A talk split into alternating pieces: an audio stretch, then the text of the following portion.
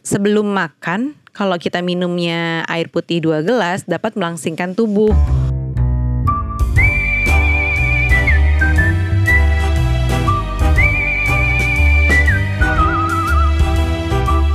Good morning. Good morning Ibu. Good morning karena kita pagi-pagi ya rekamannya. Iya, kalian bisa mendengarkan ini kapan aja sih. Banyak juga loh yang dengerin kalau kayak teman tidur. Mm-mm. Sebenarnya teman tidur itu it's a good thing and a bad thing. Maksudnya mungkin pujian buat kita suaranya soothing, terus nemenin tidur segala macam, ajak ngobrol. Tapi on the other hand eh, nggak didengerin dong. ya apa? Good morning good day good evening good afternoon untuk semua yang mendengerin Eh, curhat babu balik lagi. Padahal kita belum seminggu kayaknya recording. Mm-mm. jadi Pe, aku ini editingnya bisa selesai bulan depan aja boleh nggak? Boleh. nggak bulan depan juga bentar lagi. Sekarang udah Maret dan menuju April tampaknya sudah semakin dekat Em, sudah hampir setengah jalan tahun udah seperempat bulan Cepet seperempat banget ya. tahun ya, ya, Ya, tiba-tiba berasa 2019 sudah seperempat aja jalan lewat dan em, salah satu resolusi kita 2019 itu aku sih sebenarnya Hmm. aku atau kamu ya apa enggak adalah Liburan. Ya itu liburan Atau ya aku satu ya? Itu termasuk Itu kamu Tapi kalau aku ada salah satu adalah lebih kurus sedikit Karena Oke. Karena aku ngerasa saat um, jalan Paha tuh bersentuhan Paha Oh dalam gitu. Oh, kamu juga ngerasa gitu. Aku pikir cuma ibu-ibu habis melahirkan aja kayak gitu Biasanya di rasanya. saat aku kurus tuh kayaknya um, Enggak gitu Terus Hmm. kedua um, Kalau duduk itu kayak ada bantal Aku kayak, kayak, kayak ban berenang gitu loh di perut Mm, mm, mm. Iya sih. Iya Walaupun sih. badan super kecil dan kerasa banget Ini mungkin salah satu juga karena faktor usia sih Di saat aku olahraga Apalagi yang butuh endurance panjang kayak bola sama basket Ngos-ngosannya mulai kerasa. Dulu tuh aku main dua kali 45 tuh nggak diganti Mm-mm. Sekarang tuh ya babak kedua udah mulai minta diganti sih Udah kerasa banget tokunya Toku dan stamina-nya turun Iya, apalagi aku. Aku juga sebenarnya ada resolusi sih 2019 ini agak kurusan karena udah melahirkan kan kemarin ya bulan Mei 2018. Paling enggak setahun. Anak udah setahun, paling enggak akunya udah agak kurusan gitu. Lah ini masih stuck gimana dong? Iya kamu tuh ceritanya kan Nah bedanya kamu tuh kan hamil ya Hamil dan melahirkan Nah dulu ceritanya gimana sih kamu Dari berat berapa ke berapa Turun berapa Naik berapa lagi Jadi dulu Turun pokoknya berapa aku lagi? baru awal nikah sama kamu itu beratku di 55. Wow. Jadi 55 adalah berat standar aku aja gitu. Iya. Biasa-biasa aja aku 55. Tapi bahkan kayaknya sebelum sebelum nikah itu yang pas lagi patah hati dan gila-gilanya lari, Ah. itu aku 50. Wow, oke. Namanya juga patah hati ya, Iya, kurus dong. ah, ah. kan mau back to market ceritanya. Iya. Terus udah gitu 55 itu pas ya udah menikah lah awal-awal ya kan. Terus aku aku merasa. Itu, di, di itu berat berusaha 55. masuk ke dress ya, dress nikah. Hmm, Ah. dress dan lain tuh aku sebenarnya merasa udah nyaman di 55 itu. Terus eh, akhirnya aku hamil Mm-mm. itu naiknya dari 55 ke 5 aku naiknya 15 kilo. Oke. Jadi ke 70 kilo. 70, Heeh. Oke. Dari 70 kilo Lahir. lahir nyusuin. eh, Shua dan eh Aira itu beratnya sendiri 3 kilo terus Ari-Ari keluar kirain bakal keluar 15 kilonya dong mau maklum, nubi, nubi parents dianggapnya Newbie. naik 15 turun 15. iya nggak tahu ya turunnya begitu melahirkan bener-bener hari ini melahirkan besokannya nimbang tuh Heeh. Turunnya cuma 4 kilo. Karena airnya beratnya juga 3 kiloan. iya. Yang jadi airnya keluar plus segala air dan macam-macamnya keluar itu cuma turun 4 kilo. betul. Terus eh, apa namanya pas eh, udah dua minggu begadang punya anak bayi ya newborn Nyusuin. itu turunnya lumayan Karena sebenarnya. nyusuin ya. jadi intinya 10 kilo pertama itu so easy. Jadi di 4 Ah. kilonya ai- airannya keluar 6 kilonya ya begadang itu itu Iya. so easy Oke. dan temanku ngingetin waktu itu iya lo bakal gampang turun berat badan tapi ada yang bakal stuck dia bilang gitu Nah, Oh iya, berarti aku berasa sih 5 kilo aku tuh stuck kayak stuck sampai Aira Aira setahun setengah itu masih ada terus 60 gitu. ya kira-kira Mm-mm, ya. Jadi aku di 60-an gitu, 60 61, 60 61 62 gitu terus kan. Turun 59 naik dikit 60. Dari situ eh hamil Shua. naik lagi. Naiknya 12 kilo. Naiknya 12 kilo. Dari 60 ke 12 kilo. Jadi 72 lebih daripada 70 sebelumnya. iya, ya? jadi lebih Oke. gendut dari sebelumnya gitu. Alright. Sama Shua keluar 3 kilo ya kan. Eh Terus 4 kilo lah sama air-airnya sama hari-hari macam-macam. Ha, terus Nah, sekarang masih di 66 kilo. 66 dari idealnya 55 menurut kamu. Iya. Jadi 11 kilo masih berjuang nih. Mm-mm. Wow, 11 kilo nyusuin terus, Bu. Begadang dan nyusuin terus kayaknya. Em, ini kalau kalau gue, kalau gue, kalau aku tuh eh, dari eh, terberatku yang paling aku nggak suka adalah 68 dengan tinggi badan yang sama kita 164 Oh, cm. relay mau disama-samain. Loh enggak kan nunjukin kan proporsionalnya. Terus eh, 68 waktu mau merit niat banget sampai 60. Waktu itu Oh. diet dan olahraga bareng Carlo Tamba. Iya iya. Eh, itu 60 niat banget lah dan body fatnya sampai sekitar 14-an, 15 persen. Kalau nggak salah pernah sampai saat at one point itu 13 di timbangan Hmm. yang sama dari 21 fat persennya. Udah terus em, aku inget aku mulai lepas kontrol makan di saat Aira susah makan. Iya betul. Jadi pikiranku adalah oh akhirnya susah makan tuh kayak mungkin karena bapaknya suka ngebatasin makanan kali, mungkin psikologisnya di situ kali. atau nggak ngelihat bapaknya makan gitu ya Iya, secara betul. secara apa behavior terus Ya udah lepas lah aku makan. Sampai sekarang lepas lepas lepas. Aira Shua lepas ngabis belum lagi di apa problematik ngabisin makanan anak di saat anak nggak habis dan nggak betah ngelihat eh, makanan mubazir gitu dosa segala macam ya udah mindsetku ke ngabisin makanan itu. Akhirnya Akhirnya sampai sekarang ada di kemarin terakhir ukur 67. Aduh mendekati my worst moments lagi. Ada di 20% body body fat. Eh walaupun ya kalau yang beberapa yang follow tuh lihat aku sering olahraga segala macem em, ya muscle gainnya bagus naik tapi em, fatnya juga ikut karena nggak kekontrol. Jadi menunjukkan bahwa olahraga doang itu tidak cukup ini mau dibahas. Kenapa aku sih ngelihatnya kenapa diet dan kesehatan ini penting. Bukan bukan sebenarnya bukan untuk um, utamanya adalah look good.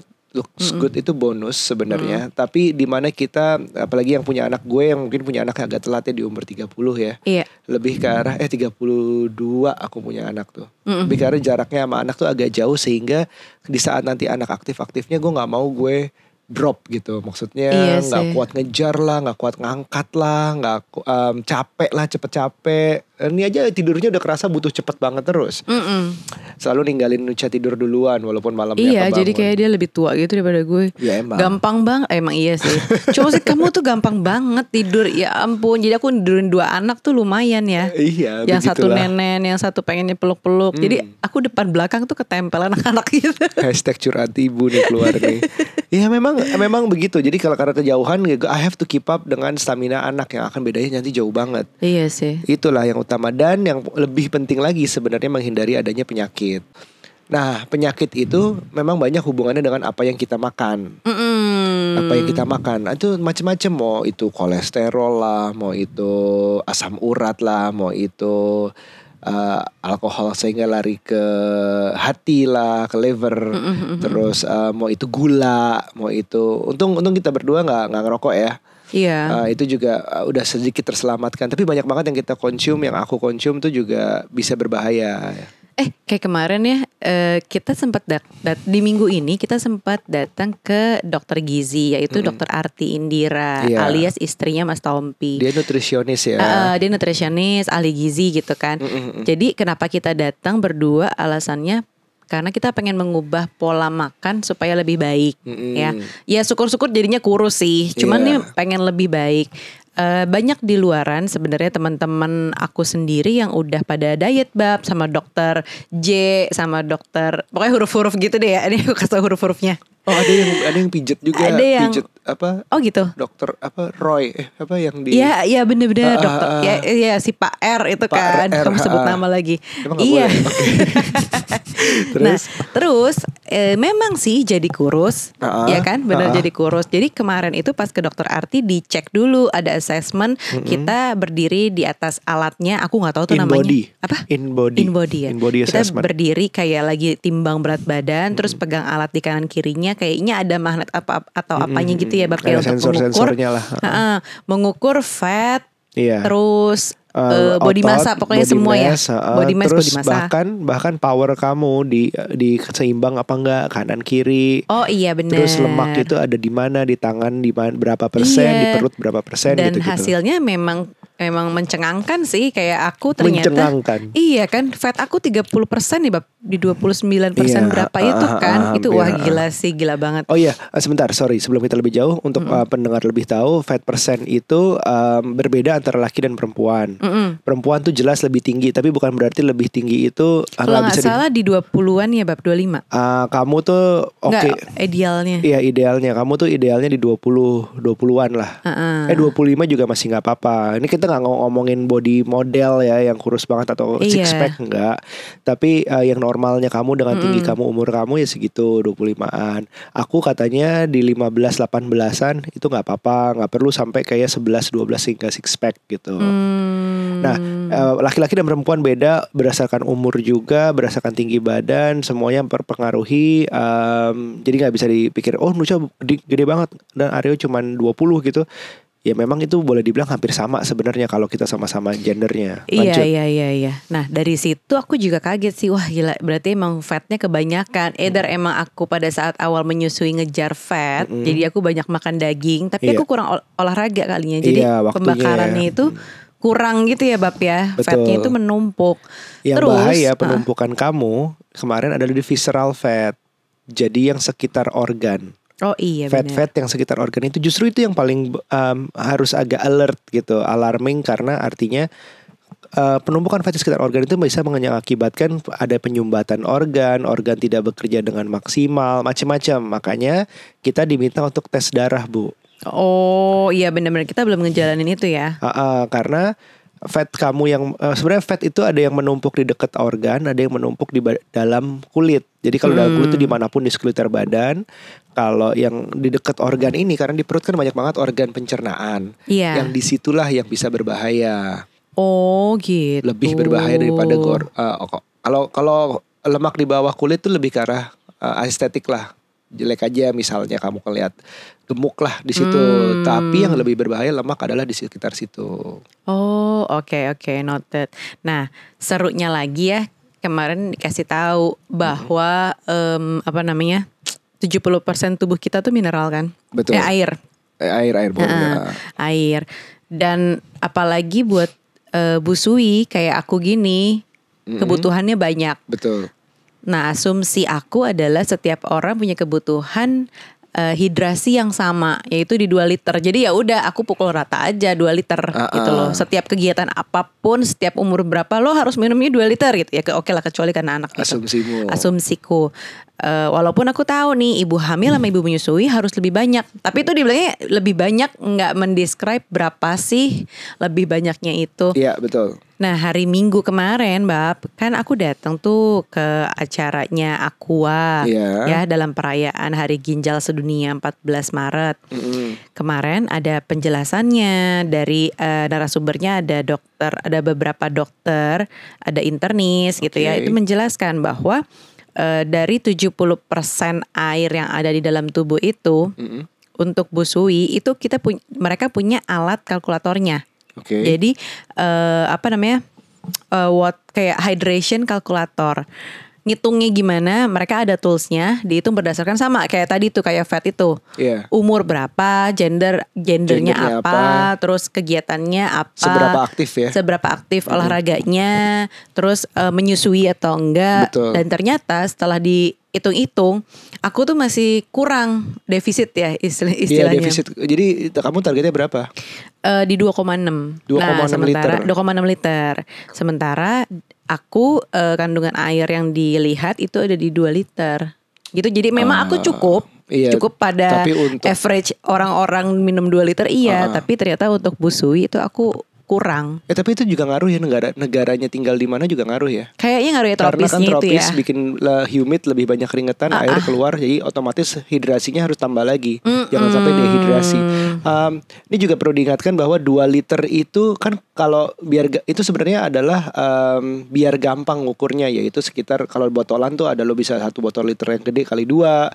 Tapi sebenarnya dari makananmu, makanan lo pun itu lo juga ada kandungan airnya sebenarnya. Ah. Jadi kayak makan apa pun itu pasti ada kandungan airnya. Walaupun digoreng itu ada airnya walaupun sedikit sekali. Terus nanti ada sop-sopan itu juga ada airnya. Kopi susu tehmu itu juga juga ada airnya. Tapi memang air yang terbaik adalah air aja, Air aja, air aqua, asli air gitu asli ya. gitulah pokoknya. Jadi tanpa ada dicampur kopi, teh, susu itu udah sedikit mengurangi kadar airnya. Jadi lebih baik memang pure. Uh, back to this um, dieting nih. Jadi yang maksudnya um, target kita habis ketemu dokter Arti, habis uh, ngobrol sama Aqua juga, terus kita juga um, aku kan juga memang olahraga yang rutin kan. Nah, jadi aku mau sambil mau membaca beberapa pertanyaan atau jawaban apa tanggapan dari aku tuh Instagram Stories semalam gitu. Apaan Pak? Ada gitu. Cara mengetahui pola do- pola diet yang sesuai dengan kondisi tubuh kita. Kalau konsul harus ke mana? Hmm. Dan juga banyak pertanyaan tentang ketofastosis, mayo diet dan segala macam bentuk diet lainnya. Hmm. Um, aku sih gini ya. Ini first of all we're not an expert, so but we're just sharing our experience. Hmm. Jadi kalau bener banget kalau diet itu harus disesuaikan dengan badannya. Hmm. Um, dasar-dasarnya adalah tahu uh, j- uh, berat badan, tinggi badan, um, fat percent, gendernya, dan kalau mau detail lagi adalah melakukan general check up.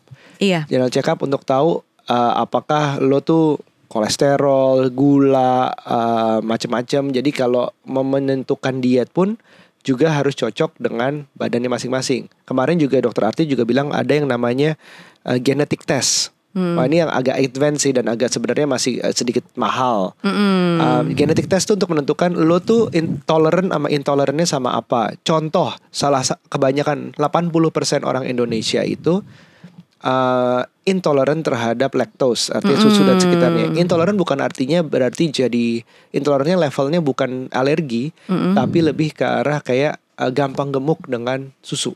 Oh iya Jadi susu benar itu susah benar dicerna benar. lagi kalau kebanyakan orang Indonesia. Iya. Sedangkan sama gluten kita agak kebal. Nah, kebalikan bule ya. Kebalikan bule, bule itu banyak banget yang makanan gluten free. Sebenarnya di Indonesia ya nggak begitu perlu gluten free sebagai orang Oke. Indonesia. Ini kebanyakan, tapi semua orang harus tes dulu. Kayak aku tanya ke dokter Arti kemarin, kalau sebenarnya kopi bagus nggak sih untuk kesehatan? Nggak boleh ya? Aku dengar banyak kan nggak boleh. Em, boleh dan enggaknya harus dites dulu. Jadi boleh dibilang ada kopi yang baik untuk pencernaan. Jadi oh, ada maksudnya ada orang-orang yang cocok untuk dikasih kopi baik untuk pencernaan. Contohnya. Jadi tapi dengan jumlah yang wajar tentunya. Mak- Jumlah wajar untuk orang-orang yang baik terima kopi tadi adalah maksimal 4 gelas sehari. Gitu. Jadi sebenarnya untuk tahu detail banget itu harus tes yang semacam itu. Tapi ya mahal ya kalau nggak salah Mahal, biaya 10 juta 10 jutaan kemarin satu tes doang. Tapi seumur hidup Satu tes. katanya. Oh iya Karena benar itu genetik. benar. Tapi katanya akan ada satu lab di Jakarta sini nih, Ah. labnya akan ada di Bangka. Itu di sekitar 5 sampai 7 juta tes Ah. DNA-nya ya. Oke, dan kalau lebih em, vis, apa namanya general check up tuh sebenarnya bisa lebih murah lagi kalau kayak kalau misalnya ngetes darah doang, tahu kolesterol apa Oh. enggak eh, di lab-lab lab-lab kesehatan di sekitar ya di sekitar lo itu itu banyak yang cuman lo boleh ngetes secara bebas gitu tanpa surat dokter untuk tahu ini apa diambil dari darahnya aja yang gampang-gampang. Oh, tapi kan tes yang DNA ini kalau nggak salah cuma pakai Iya. air liur ya. Kalau yang DNA ini beda, itu genetik itu tadi beda. Terus ke- di mall-mall sebenarnya juga banyak kan. Lo kamu kalau ke toko obat segala macam, Oh, iya, benar. Tes darah tuh gampang banget, cuman di titik gitu tek, ya. eh, kasih da- kasih jarum itu untuk ngetes gula biasanya, Hmm. atau ngetes asam urat tuh juga bisa. Jadi em, contoh kalau kita ngomongin balik ke seperti kayak diet keto dan diet mayo. Uh, Diet keto adalah diet yang mengu- menghabiskan sama sekali mengurangi gula ataupun segala jenis gula, sumber gulanya digantikan dengan menggunakan pembakarannya dengan lemak. Jadi makanan-makanan yang berlemak. Catatannya adalah lemak yang bagus. Hmm. Um, kesalahan yang gue dengar dari banyak keto di Indonesia adalah apa pun aja asal lo nggak gula tapi lo lemak. Jadi Itu lemak dia tuh. apa pun disikat semuanya. Iya, iya, ada yang salahnya gitu ya. Uh-uh, lem- Eh, tapi kok temanku banyak bab diet keto yang berhasil. Oh keto berhasil banget memang karena gulanya tuh kosong banget secara penampilan dan kurusnya tuh banyak banget teman Eh tapi yang aku berhasil. pernah juga sih keto beberapa minggu atau dalam satu Oh, bulan gitu. Iya pernah sempet Sama sebelum sekali? hamil. Oh, iya? Barengan sama Tita sama Andin. Oh iya terus terus. Ikutan keto dan pada saat itu catering juga, catering keto. Oh iya tapi cuma Lumayan seming- turunnya. Lumayan. Lumayan dan kayaknya menurutku itu adalah diet terenak. Oh Karena terenak. iya karena, karena makan makanannya enak. bisa apa aja gitu ya kecuali yang yang manis-manisnya gitu. Padahal kamu tapi, belum pakai intermittent fastingnya ya? Iya nggak pakai. Tapi makannya enak-enak. Paling diganti sama apa bab konyaku Iya. gitu-gitu ya. Eh kok konyaku bener ya? Eh, shiitake, Shiitake, kayak gitu-gitu. Terus ada beberapa jamur-jamuran. yang- Shirataki. Eh, Kok shiitake? Shiitake mah jamur. ya benar. Ini juga jamur shirataki. Shirataki bukan jamur Eh, dong. bukan jamur ya? Bukan, sayuran ya? Apa bukan, sih? Bukan, bukan. Itulah Ya pokoknya itulah. shirataki. Jadi em, yang diperhatikan dari keto menurutku adalah harus memperhatikan asam uratnya, level asam uratnya segimana, eh, level gulanya akhirnya segimana. Memang keto ada beberapa baik untuk seperti penderita kanker otak. Itu itu bisa menjadi baik tuh. Tapi keto bisa jadi stresnya. Kalau apalagi untuk aku ini ya, kayaknya aku yang sweet tooth banget ya, suka manis banget, kayak nggak bisa tanpa manis gitu. Harus ada harus ada manisnya lah dalam sehari. Itu eh, prinsipnya your diet shouldn't stress you sih. Iya. Jangan sampai uh, diet apa pun yang lo pilih, keto ke, mayo ke, ada apa lagi sih bu? Ada, Ada apa lagi intermittent ya? fastingnya Uh-uh. ke, ada um, banyak banget deh yang uh, no sugar, no dairy, no carbs, no banyak banget lah no-nya itu. It it can work, it can work. Semua tuh gue bilang dia tuh banyak banget yang bisa berhasil. Memang Tapi- kayaknya sebenarnya tuh ini bab mindful eating itu juga udah bisa Penting bikin banget. kurus. Betul banget. Mindful eating tuh kayak semacam uh, Dinda di tempat uh, gym aku juga suka jelasin mindful eating. Ah, Mindful eating tuh um, bahwa lo makan tuh bukan karena stres. Jadi yang paling banyak bikin gemuk tuh contohnya adalah stress eating. ah, ah, ah. Atau lo nggak bisa mikir gue harus tambah gula nih, gue cari kerja nih, apa gue cari makanan nih malam-malam lah segala macam di saatnya badan lo itu tidur membakar lemak, lo malam langsung um, cari makanan sambil kerja dan makanannya nggak sehat. Uh, stress eating segala macam makan untuk um, pelipur lara atau segala macam gitu bukan makan untuk kebutuhan gitu. Iya sih, benar. mindful tuh makan nggak sampai kenyang banget. Ada orang yang tipe-tipe kalau lagi stres itu banyak makan, tapi ada yang justru jadi nggak makan sih. Bisa juga, itu juga nggak Ah, sehat dua-duanya. Itu juga nggak sehat sih dua-duanya ya. Terus juga em, alkohol gitu segala macam. Itu kan semua larinya ke karena stres gitu atau karena senang-senang. Jadi kayak nggak mindful, nggak mikirin apa yang lo Iya sih. konsumsi gitu. Iya iya iya iya. iya. Eh, satu cerita nih aku menarik baca di Time waktu dulu, eh ada beberapa waktu lalu. Jadi aku pernah ngomongin kalau nggak salah di vlog aku, orang yang diet dengan target atau dengan secara buru-buru, Mm-mm. kayak misalnya America's Biggest Loser, tahu nggak acara itu yang uh, kompetisi nurun-nurunin berat badan dari overweight banget sampai akhirnya ideal tuh lo bisa berapa cepat tapi tetap diawasin dengan nutrisionis dengan olahraga. Pokoknya dengan cara yang benar cuman ekstrim aja. Olahraganya banyak makannya dikurangin di cut dihitung lah segala macam. Akhirnya ada yang menang target kalau nggak salah 70-80% peserta mereka itu acara itu dalam waktu eh, enam bulan itu kembali ke beratnya. Enam bulan pas setahun gitu kembali ke beratnya lagi. Hmm. psikologisnya kenapa? Karena di saat lo punya target terus lo achieve you wanna celebrate? Habis celebrate kalap terus nggak bisa ngebatasin lagi. Harusnya diet itu lifestyle for the rest of your life harusnya. Memang lo lebih baik berubahnya sedikit-sedikit. Kayak sehari ngurangin satu gelas kopi susu habis itu naik kurang jadi dua dalam waktu eh, berapa minggu gitu. Tapi gradually ke yang lebih baik lebih pelan dan lebih stabil gitu Iya sih. itu tujuannya. Kalau diet dengan tujuan dengan angka akibatnya lo terpatok di angka itu terus. Tapi buat aku yang abis hamil gitu ya Beb ya. Hamil tuh kan istilahnya bebas lo makan apa aja. Ya. Itu tentu misal makan sehat iya. Tapi kan lo gak ada batasan Aduh gue gak mau makan ini ah. Eh, Gue kan ntar gue gendut lagi Ntar gue ini. Tapi enggak Kita tuh yang hamil ya udah kita makan Iya, aja. iya, iya, iya. Gitu loh. Nah itu yang susah Membuat itu jadi kayak Sekarang ini jadi harus conscious lagi kan Makan. Siapa yang teman kita yang hamil di Australia kalau nggak salah Hmm. eh, dokter kandungannya juga tetap ngawasin um, pertumbuhan berat ba- ibunya. Ya? si Helen Helen Oh gitu Helen pernah cerita bahwa waktu dia hamil di sana um, ini juga kebanyakan makan nih ibunya kurangin makan yang sehat-sehat gitu Hmm. gitu soalnya menurut dokternya katanya waktu itu kalau lo terlalu banyak naiknya juga um, kekuatan lo untuk melahirkan, kekuatan Oh, lo gitu ya. untuk bergadang nanti juga terlalu bloated gitu loh, Oh terlalu bener capek sih, kayak gitu. Tita nih kejadian yang lahiran di Jepang. Eh dokter di sana, dokter Jepang itu memang membatasi berat badan Ibunya. Ah, ah, kenaikan Hmm. ibunya tuh nggak boleh lebih dari 12 kilo kalau nggak salah. Tapi memang iya kalau dilihat orang-orang Jepang tuh kalau hamil masih kecil-kecil badannya. Yoi. Jadi ternyata emang dibatasin bab lo nggak lo naiknya nggak boleh Iya. sekian sekian gitu. Jadi emang dia batasnya di 12 kilo gitu. Iya. Tapi kalau di sini nggak terlalu concern banget ya kayaknya soal berat badan si ibu ya. Walaupun kalau misalnya udah lebih banget mungkin baru iya ibu ini dikurangin ya, ibu diet ya. Kayak gitu-gitu karena mungkin takutnya ada ke penyakit apa gitu kali ya. Iya iya iya. Ini banyak banget pertanyaan Bu. Uh, Hmm. Bahkan ada yang share pernah turun 15 kilo dalam sebulan. Karena Wah, gym gila. gym tiap hari makan cuma roti gandum sama putih telur. Um, kalau dia bisa bagus sih mungkin tapi hati-hati aja itu nggak buat semua orang mungkin. Di saat lo Iya. mulai stres jangan deh. Aku aku jamin aku nggak bisa sih kayak gitu. Aku langsung bilang aja nggak bisa. Aku cari akan diet yang lebih. Eh tapi kayak kamu pernah bilang juga deh sama aku Apa? orang orang itu berat badannya gam- akan gampang turun kalau memang jauh dari rata-rata atau dari idealnya. Betul. Begitu mendekati ideal dia Susah akan lebih susah gitu Betul. kan. Jadi misal misalnya nih berat badan idealku di 55. Eh, begitu misalnya aku hamil terus jadi loose banget sampai di 80 kilo, mungkin untuk 10 kilo pertama aku gampang kali ya Gampang. nuruninnya. Ah, ah, ah. Nah begitu udah mendekati kayak sekarang nih sebenarnya mendekati juga ya nggak jauh-jauh banget sih. Kamu 10 nggak kilo jauh sih, lagi, ha. jadi mau turun lagi ya agak susah gitu kan. Cobain kamu dari perjuangan.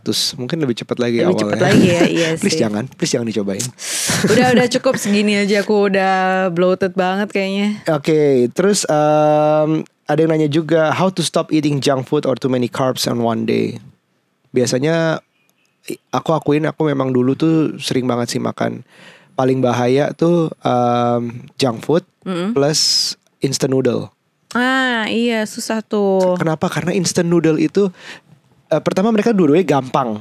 Satu tinggal beli, Iya. satu tinggal bikin yang sebentar banget. Iya. Kedua mereka tuh enak. Iya. Tapi karena gampang dan enak itu kita jadi terlena. Terus Itu gimana dia. cara ngebatasinnya? Nah kalau sekarang sih nih karena baru mulai banget dietnya, aku nggak langsung eh, switch yang ekstrim gitu. Misalnya jadi langsung ngurangin karbo, terus ng- nggak makan manis sama sekali nggak sih. Eh, sesuai kata dokter Arti, memang masih menyusui itu nggak boleh sama sekali di cut. Iya dan nggak boleh Jadi- obat. Dan nggak boleh obat Hmm. juga. Jadi obat diet itu sebenarnya ada dua macam kalau menurut dokter Arti. Jadi ada obat yang eh, apa namanya menekan Pola pikir ya. pola pikir, eh, Lapar. menekan otak agar nggak mau makan. Sama satu lagi di pencernaan, Mm-mm. ya otot pencernaan. Mungkin obat yang di pencernaan tuh kayak yang apa sih yang biar cepet pup apa apa Iya, iya, misalnya iya, tiap iya, hari iya. pup kayak Ah. gitu. Jadi apa yang kita makan keluar terus. Tapi sayangnya kalau untuk ibu menyusui sebaiknya jangan banget pakai kayak gitu-gitu. Jadi ya udah kita tetap jalanin perlahan-lahan. Targetnya sih setiap minggu turun 0,5 alias 500 gram Hmm. sampai 1 kilo. Dasarnya Targetnya. diet banget adalah eh, calorie intake versus calorie outtake. Jadi maksudnya berapa banyak yang lo burn sehari melawan berapa banyak yang lo consume sehari. Iya. Kalau itu bisa diukur dengan baik, sayangnya kan susah ukurnya. Tapi Kalau itu bisa diukur dengan baik, every kind of food itu em, sebenarnya bisa. Kalau untuk kurus doang ya. Mm-mm. Tapi bukan berarti kayak misalnya lo cuman makan em, daging tok. Mm. Eh, beratnya sekitar ya anggap aja 1500 kalori udah cuma dua daging itu nggak makan apa-apa lagi sama air putih. Iya. Terus lo olahraga yang nga- ngabisin 1500 kalori lo akan atau 1600 sehingga lo lebih kurus. Tapi hati-hati yang lo makan juga harus seimbang demi Iya sih. kesehatan kalau itu. Intinya sih makanan harus seimbang sama olahraga juga. Olahraga Terus juga. kalau lagi diet sebaiknya air minum air lebih Minum banyak, air, bener kan? ha, ha, bener. Minum air yang bersih, yang bener tuh lebih banyak. Yang jangan lupa lagi satu lagi istirahat. Oh iya. Tidur itu, nih aku kasih tahu ya, tidur itu adalah di saat em, lemak itu paling banyak terbakar. Hmm. Jadi jadi kalau misalnya kita tidur Kalau kita tidur terus gimana, Bab? nggak bisa. Kenapa? nggak bisa. Jadi tidur jadi ada saatnya lemak itu apa badan itu harus mengkonsumsi sesuatu energi butuh energi energi itu digunakan untuk kegiatan olahraga dan macam-macam dan ada energi itu beristirahat sehingga dibakar dengan sendirinya. Oh. jadi kalau di saat tidur nih kita tidur 8 jam atau itu udah bagus lah 6 jam misalnya tidur bangun pagi di saat bangun pagi itu kenapa eh, jadi tempat pembakaran terbaik kalau lo mau olahraga? Karena udah semalaman lo kosong perutnya dan sudah terbakar dengan sendirinya dengan tidur yang benar tambah lagi dengan olahraga itu maksimal penurunannya Hmm. Abis olahraga baru kalau mau breakfast breakfast gitu. Hmm. Ini normalnya kayak gitu dianggapnya um, the best time to exercise to reduce weight is in the morning before breakfast, after you sleep and before breakfast. Oh, gitu. oke. Itu nah, terus uh, akan ini banyak banget sih pertanyaan sih. Um, Gua sama pasangan naik 20 kg selama bersama gagal terus tiap diet. Kenapa ya? Dari segi ini justru ini menarik sih. Gua sama Nucha juga sama-sama turun di saat mau nikah, sama-sama naik. Eh kamu nggak turun ya? Kamu di nikah emang udah kurus ya? Hmm? Waktu nikah emang udah kurus ya? Di saat naik kita bareng dan sekarang kita mau nuruninnya bareng. Hmm. Sukses apa enggak? Ya nggak tahu. Kita baru mau mulai lagi. Baru memulai bersama. karena susahnya karena salah satu faktor besarnya adalah anak sih menurut aku. Ngabisin makanan anak, ngajak anak makan, nunjukin anak makan seperti apa, sampai waktu yang nggak bisa dikorbankan untuk olahraga karena demi anak. Banyak Oh. banget, banyak banget karena faktor anak itu dan kita mengerti. Eh, Bab, ini Hmm. ada salah satu artikel bagus deh di sehatakua.co.id. Ingin Hmm. berat badan turun, minum 2 gelas air sebelum makan. Jadi ada penelitian. Ini dilakukan oleh profesor di Amerika bahwa sebelum makan kalau kita minumnya air putih 2 gelas dapat melangsingkan tubuh Oke. dan dapat menurunkan berat badan. Katanya sih gini nih. Jadi para ahli menyarankan untuk minum 30 menit sebelum makan dan 30 menit setelah makan. Hal tersebut dapat membantu lambung bekerja lebih efisien dalam mencerna makanan gitu. Ini kayaknya hampir sama deh eh, apa namanya konsepnya dengan kalau anak bayi itu minum zat besi itu harus setelah bangun tidur eh, dalam keadaan perut kosong. Jadi si zat besi itu menyerap lebih baik ketimbang dia habis makan, habis minum, terus minum vitamin zat besi. Itu tuh nggak terserap oleh badan lebih baik. Ah. Jadi mungkin kalau untuk orang dewasa yang lagi mau diet, ada baiknya memang minum lebih banyak dulu sebelum makan. Ah, Bukan berarti akan kembung terus jadinya nggak makan sih. Iya. Cuman sebenarnya itu dijarakin. Jadi ada jarak Betul, betul. dan minumnya dua gelas sebelum makan. Gitu. Ya jangan lupa juga sih sebenarnya buah-buahannya. Ah, Oke oke oke oke. Menarik sih. Terus kita mau kasih tambahan beberapa nih. Kalau masih butuh suplemen, suplemen yang dibutuhkan itu sekitar eh, fish oil, omega 3 Eh, karena untuk me- menambah tumbuh apa kerja kerja otot lebih baik. Eh, terus kalau otot itu kan berarti semakin banyak otot yang baik, semakin banyak eh, pembakaran lemak yang lebih efektif. Terus kedua eh, tambahin vitamin D. Kita juga baru tahu nih kalau vitamin D itu ternyata terbagi dua. Yang apa dan apa gitu yang sebelum jam 9 pagi matahari sebelum jam 9 pagi dan yang jam 9 sampai jam 12 iya benar-benar. siang. Kemarin dokter Arti bilang ya. Iya. Memang eh, sinar matahari yang sebelum jam 9 jam 10 itu bagus juga. Bagus, heeh. Tapi yang itu ada bagus perbedaannya. Kalau mau lengkapnya silakan googling sendiri. Tapi jadi kalau kalau bayi kan dibilang tuh kalau kalau butuh vitamin D di awal tuh 10-15 menit di pagi yang sebelum jam 9, sebelum jam 8 malah. Tapi kalau orang dewasa butuh dua-duanya. Kalau udah dewasa jam 9 sampai jam 12 tuh juga bagus. Tapi Makanya jangan kenapa- kelamaan. Mm-mm, makanya kenapa sebenarnya keluar makan siang dari kantor jam 12 siang itu tuh sebenarnya bagus aja ya kena matahari. Eh lebih dari jam 12 kayaknya. Enggak dia jam 12 dia sampai bilang jam 12. peaknya. Oh, sampai jam 3. Sampai jam 3. heeh. Jadi get um, makan siang tuh get some fresh air, jalan kaki. Ya, aku bilang sih matahari 10-15 menit juga cukup Tapi ya. sayangnya buat aku aku ogah keluar siang-siang panas. Nanti hitam soalnya aku tuh udah freckles gini mukaku. Jadi aku tuh harus melindungi dengan gak banyak-banyak sinar matahari Tanganmu walaupun aja gimana? Tanganmu keluarin gitu ke jendela gitu Dewi. walaupun aku udah pakai sunblock tetap aja. Namanya juga umur. Dan fakta yang menarik lagi kemarin dibilang yang berkulitnya lebih gelap membutuhkan waktu lebih lama. yang Makin artinya gosong. makin gosong dong gue. Aduh, ya itu nanti aja deh makanya kita beli vita suplemen vitamin Suplemen D karena vitamin nggak D. mau matahari alami. Wah ini parah banget nih ngajarin diet yang nggak bener nih. Tapi iya loh Bab, apalagi ya buat ibu-ibu yang pernah melahirkan. eh, katanya kekuatan terbesar pada saat lagi hamil itu memang selain di perut, tapi di tulang belakang itu menopang perut.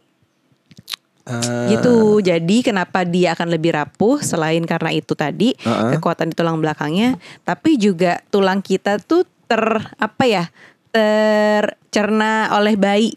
Jadi akan lebih rapuh.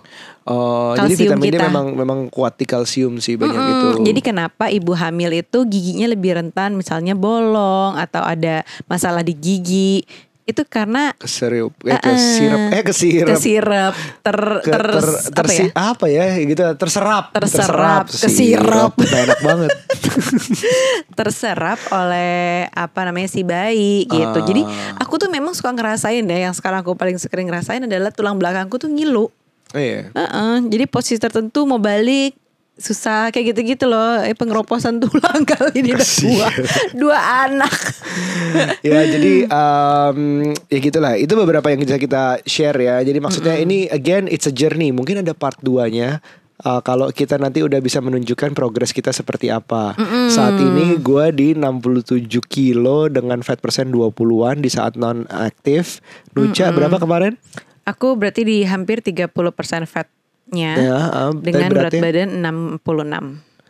Tapi menurut 66. dokter Arti, aku tuh cuma perlu nurunin 8 kilo saja Nggak karena 10 ya? iya, karena ideal di umurku ini adalah 58 dengan tinggi segini. Hmm. gitu. Sebenarnya 58 kilo masih oke. Jadi aku turunin 6 kilo aja udah fine. Iya. Menurut aku juga ya tetap aja turun 8 kilo aku PR banget sih 8 kilonya. yang paling pernah aku mengalami diet-diet itu eh, yang paling menantang menurut aku kalau lo ngelakuinnya sendiri adalah biaya sih.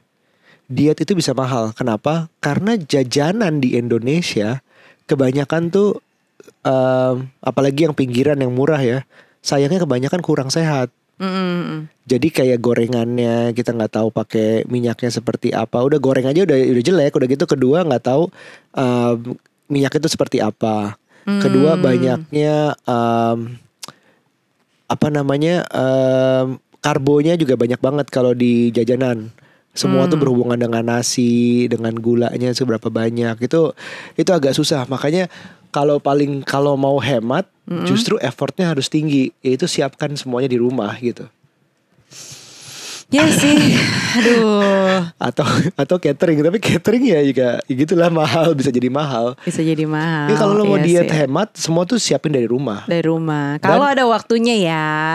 Dan paling beruntung lagi kalau bisa puasa Bentar lagi kita bulan puasa. iya makanya kalau rajin kayak senin kemis segala macem Tapi abis puasa itu lebaran ketemu lagi sama santan dan lain-lain Terus liburan panjang mau makan apa aja sama aja deh eh, apa namanya puasa itu kan bagus banget sebenarnya untuk untuk Detox. detox untuk macam-macam tapi yang harus diingat adalah kebanyakan bukan kebanyakan banyak juga yang masih puasa itu begitu lolos itu pesta gitu maksudnya as in um, merayakan sekali bukanya tuh wah, gila-gilaan banyak makannya bahkan iya, melebihi satu hari aja di rumah berapa rumah kan? Iya, jadi kalau misalnya misalnya dalam sehari nggak puasa lo makan 1500 2000 kalori. Di saat pua- puasa ternyata lo makan lebih karena lo biar gue nggak lapar gue sahurnya banyakin. Biar karena gue udah seharian berjuang puasa gue bukanya banyakin kalap. Ya, itu yang salah gitu. Puasa harusnya bagus bahkan berhubungan dengan intermittent fasting bisa dibilang tanpa sahur pun sahurnya minum air putih aja itu bisa efektif banget. Cuman itu ekstrim. Lagi-lagi silahkan dicocokkan dengan badannya masing-masing dan tingkat stress level yang berbeda-beda. Selain fisik lo seperti apa, lo harus juga siapin puas apa diet itu mental lo seperti apa. Diet tuh banyak banget berhubungan dengan mental juga gitu. Sudah bu? Oke.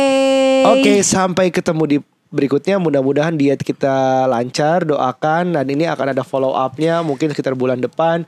Gimana kita progresnya? Dan you guys let us know what you wanna ask. Eh, jangan lupa share ini di Instagram.